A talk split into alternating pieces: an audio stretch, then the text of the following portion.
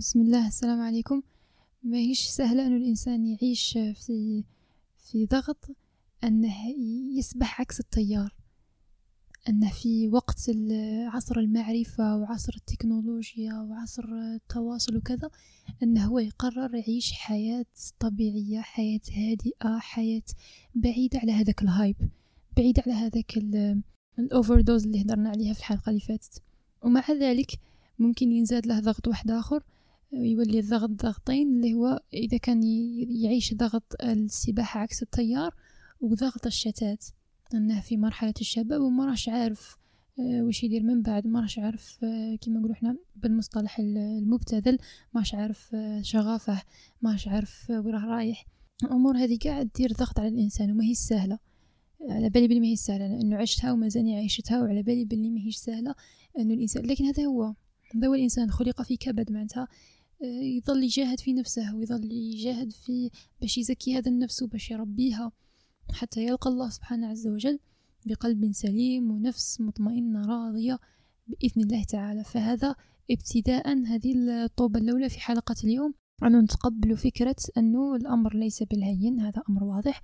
ونتقبل فكرة أنه ماشي الحياة ليست وردية وماشي فقط لأنه قررنا آه، أنه نتخذ خطوة بترك الحرام بتوفيق الله سبحانه عز وجل وقررنا أنه نتخذ خطوة بأن نسد ثغرة آه، مواقع التواصل. معناتها خلاص حياتنا راح تولي وردية من أول يوم. آه، نوضو خلاص نعرفو كيف نستغلو وقتنا وكل شيء يولي مثالي في حياتنا. لازم نكونوا واقعيين قليلا ولازم نهضروا على الأمور بواقعية. نقولوا ان الإنسان بدأ يجرب بدأ يشوف بدأ يتعلم راه في مرحلة البناء.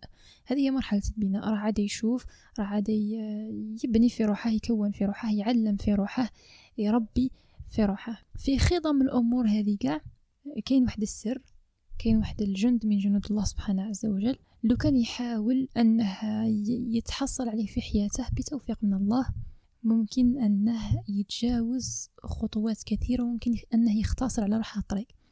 هذا السر هو البركة.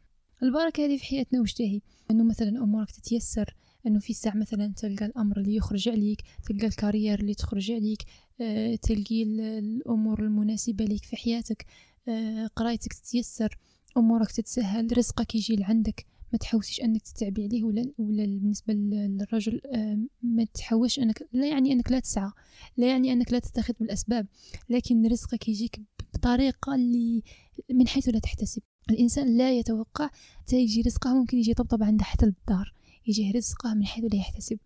آه، الوقت يكفيه باش يدير أمور كثيرة وأمور فيها فايدة يولي الأمور اللي يديرها فيها فايدة يعني ما تروحش ما يروحش وقتها في الخوا. هذا الأمور قاع منين تجي؟ تجي من البركة. في حلقتنا اليوم إن شاء الله راح نهضروا على أسباب تحصيل البركة من القرآن والسنة بإذن الله تعالى. أول سبب وهو أن النبي عليه الصلاة والسلام دعا لنا. النبي عليه الصلاة والسلام دعا لأمته يعني دعا لنا واحد واحد. أه كما نعرفوا أنه دعاء الأنبياء مستجاب. النبي عليه الصلاة والسلام قال اللهم بارك لأمتي في بكورها. معناتها أول نقطة هي البكرة الإنسان اللي يبكر. يعني شوفوا ديروا في بالكم أنه ماكش تبكر فقط لنفسك راك تبكر آه، لأنه أمر مليح وأمر مستحسن إن الإنسان يبكر. لكن ثاني لأنه النبي عليه الصلاة والسلام دعا لك. اللهم بارك لأمتي في بكورها. مثلا الانسان اللي بكر وينوض ينوض باش يحصل البركة. وكانه تخيلوا معايا انه البركة شيء مادي وهذا الصباح يحوس عليه. فكي يدير يحوس عليه في الوقت اللي الناس يكونوا راقدين هو ينوض يحوس عليه. هذا الأمر الأول.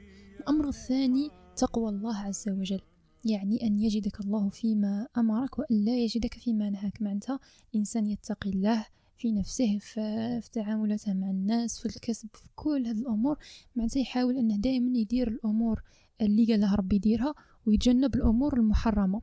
هنايا لازم يكون عندنا شفتوا الحلقة الماضية حكينا على تشرب المفهوم ولازم نتشربوا واحد المفاهيم وكذا.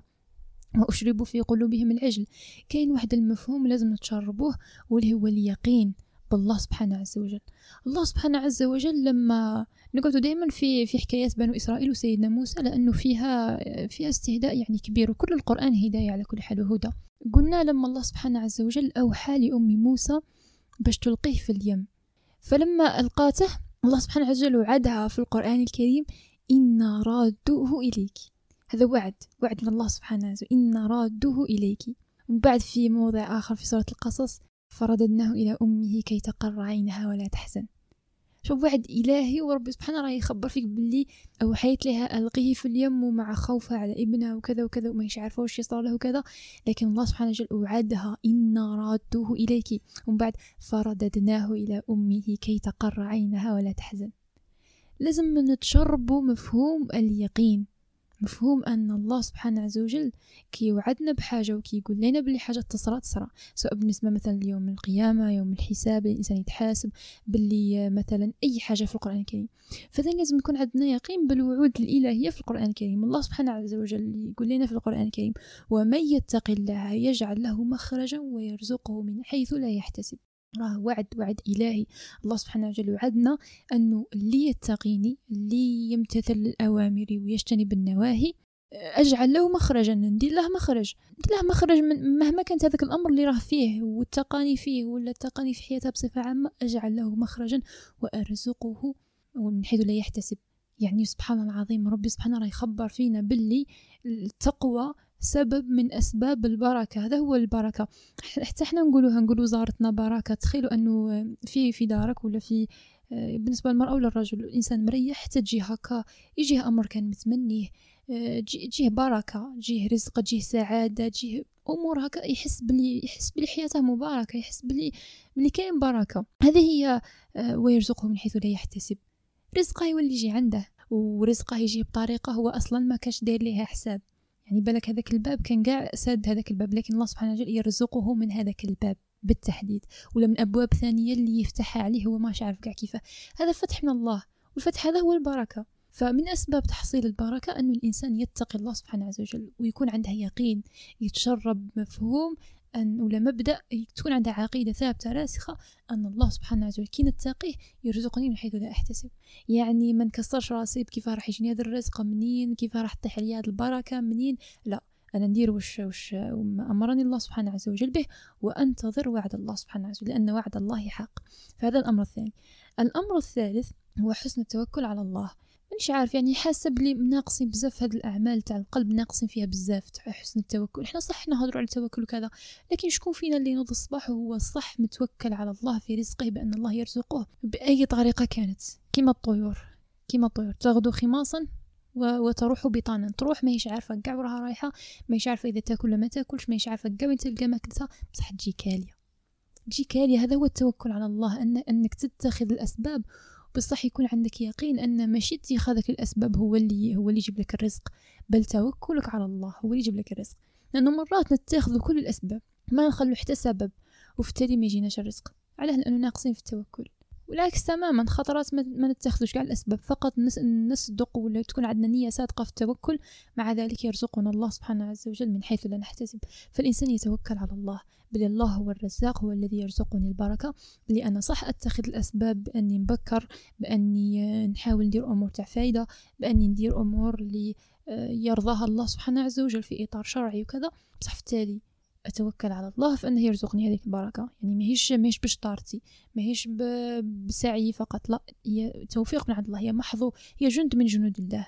سورتو حنا في هذا الوقت اللي رانا محتاجين البركة. رانا في وقت تسارع الزمان. رانا في وقت اللي محتاجين أشد الحاجة للبركة. ناقصين بزاف هاد الأعمال تاع القلوب. فهذه هي التوكل على الله. رابع حاجة ولا رابع نقطة وهي الاستغفار. الاستغفار وكثرة التوبة لأنه خطرات الذنوب هي اللي تمحق البركة الذنوب هي اللي تقلع علينا البركة.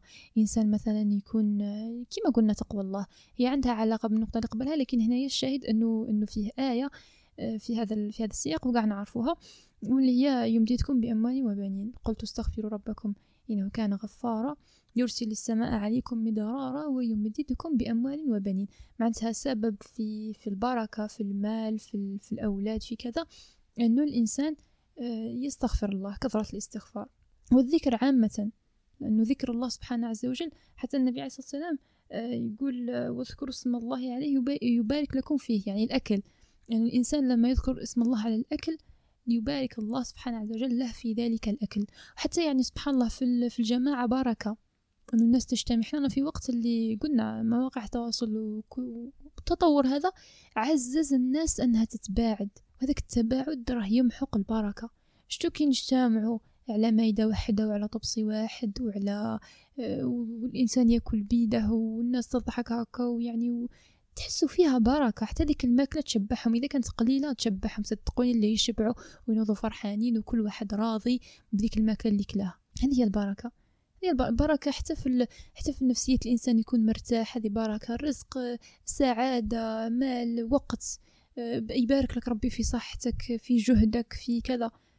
وانت يبارك لنا ربي سبحانه في لما نستعملوها في طاعة الله لما نستعملوها في الأمور اللي يرضاها الله سبحانه عز وجل. أه قلنا ثاني في هذا السياق أنه الكرم لما الإنسان كما نقولوا حنايا حتى أتذكر أنه فات عليا موقف أنه آه، أعتقد في غزوة من الغزوات كانوا جابوا لهم أكل. مانيش متأكدة إذا غزوة ولا لا. المهم أنه جابوا لهم أكل وكانوا بزاف صحابة وخافوا أنه ما يكفي ما تكفيهمش هذيك الماكلة. فسبحان الله يقال أنه هذاك هذاك الأكلة كلاو منها تقريبا 400 واحد. هذه البركة. هذه البركة. هذا ماشي أمر من الخيال ولا لا؟ هذه أمر صرات وتصرى مزال نشوفوها ونستشعروها في بعض المواقف أنه أمر قليل ولا حاجة قليلة لكنها تكفي تكفي ناس وتعيش عائلة. كاين اللي كاين اللي ربي مبارك له في في خلصة قليلة. علاه لأنها كسب حلال. من الأمور اللي تمحق البركة هي الربا. فالإنسان لما يكون كسبه حلال ويحاول أنه من الخطوة الأولى يحاول أنه كسبه يكون حلال أكله يكون حلال يعني شربه يكون حلال ملبسه من حلال آه، حتى دعائه يكون مستجاب. هذه من الأمور باش يستجاب الدعاء. هذه بركة. وثاني قلنا الكسب الحلال. انه تخيلوا إنسان بالك في هذا الوقت اللي غلاء المعيشة وكاع بصح تخيلوا أنه تكفيه ذيك الخلصة وتكمل له الشهر وما يضطرش أنه يروح يدير دين. هضروا على أنه كاين ناس اللي يخلصوا مليون زوج ملايين كاينين يخلصوا أقل لكن تكفيهم. وبالك يأكل طيبات من الأرزاق وبالك عايش بها خير من واحد غني. علاه لأنه ربي مبارك له في الم... في ذاك الدراهم في ذاك الرزق. علاه لأنه رزق حلال كسب حلال. حنا نهضروا على مرحلة الشباب قادر واحد فينا يكون عنده كسب يكون عنده مش عارفة أنه هواية يدخل منها آه، يكون عنده شغف في مجال معين يكون عنده يخدم آه، عمل حر فريلانس كذا. فإذا إذا كنت عدا عدا مازال ما بديتش في هذا المجال ولا عدا راك يعني عدا تتعلم ولا تجرب ولا من الأحسن إنه من الأول يعني توطنوا رواحكم مليح وتسعوا للكسب الحلال. هذه من باب تقوى الله ومن باب باغين البركة في حياتكم بإذن الله تعالى. وإذا كنتم ديجا بادين وكذا فأسأل الله سبحانه عز وجل أن يبارك لكم وأنه يوفق الجميع في أي حاجة راهم يديروا فيها. المهم أنها تكون كسب حلال. المهم أنه يكون كسب يعني ولو كان قليل المهم يكون كسب حلال وتأكدوا أنه ربي سبحانه يبارك فيه. حاجة واحدة أخرى آه، واللي هي الدعاء. يقال أن الدعاء هو مخ العبادة. يعني الدعاء أمر عظيم جدا. مش فقط هو فقط يعني خطرات نحس روحنا مصلحجيين شوية أنه فقط ندعو ونسأل الله حاجاتنا وكذا لكن تأكدوا بلي الدعاء عبادة ومخ العبادة وأمر اللي يبغيه الله سبحانه عز وجل. بالعكس الله سبحانه عز وجل يبغي كي نحتاجوه وكي نفتقروا ليه وكي ننكسروا له.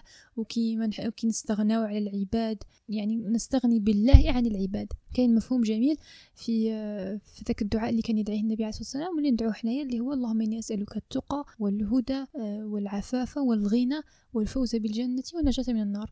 خطرة سمعت في بودكاست أن الغنى معناه آه، مش فقط الماديات أو الرزق المادي ولكن معناه أن تستغني بالله.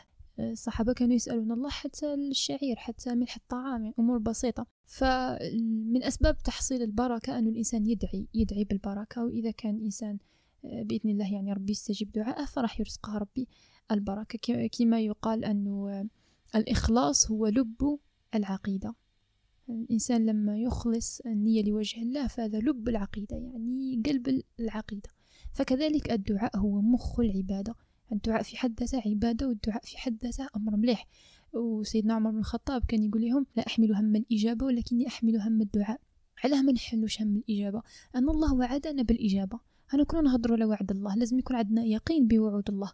ربي سبحانه قال لك ادعوني أستجب لكم. ديريكت ماشي فأستجب لكم ثم أستجب لكم سأستجيب لا أستجب لكم مباشرة. يعني الله مجيب قريب مجيب. لما نلتزم بأدب الدعاء.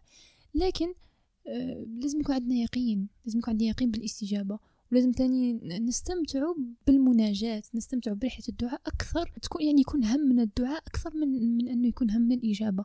صحيح أنه الإنسان فيه شيء من الطمع يطمع في الإجابة وكذا ويأمل في أنه يحصل على ما يريد وكذا لكن ثاني ما لازمش يهمل جانب أنه آه، يستمتع بمناجاة الله ويستمتع بذاك القرب من الله أنه الحضور القلبي واليقين. هذه أمور عظيمة هذه أمور لازم الإنسان يعيش معها مش فقط يدعي وخلاص. لا الله مجيب والله كريم وربي سبحانه بالعكس يبغى يشوف أثر النعمة على عبده. هذه كانت نقاط بسيطة ومختصرة ما باش كثر فيها. فأسأل الله سبحانه عز وجل أن يبارك لنا ولكم وأنه تكون في أعمارنا بركة حتى إذا كانت أعمارنا قليلة وإذا كانت طويلة المهم أنه تكون مباركة بالعمل الصالح مباركة بالنية الصالحة وبالإخلاص مباركة بتقوى الله وهذه هي الحياة الطيبة. فلنحيينه حياة طيبة. حياة طيبة هي اللي فيها هذا الجند من جنود الله واللي هي البركة. بارك الله فيكم ونلتقي بإذن الله تعالى في حلقة قادمة. والسلام عليكم ورحمة الله تعالى وبركاته.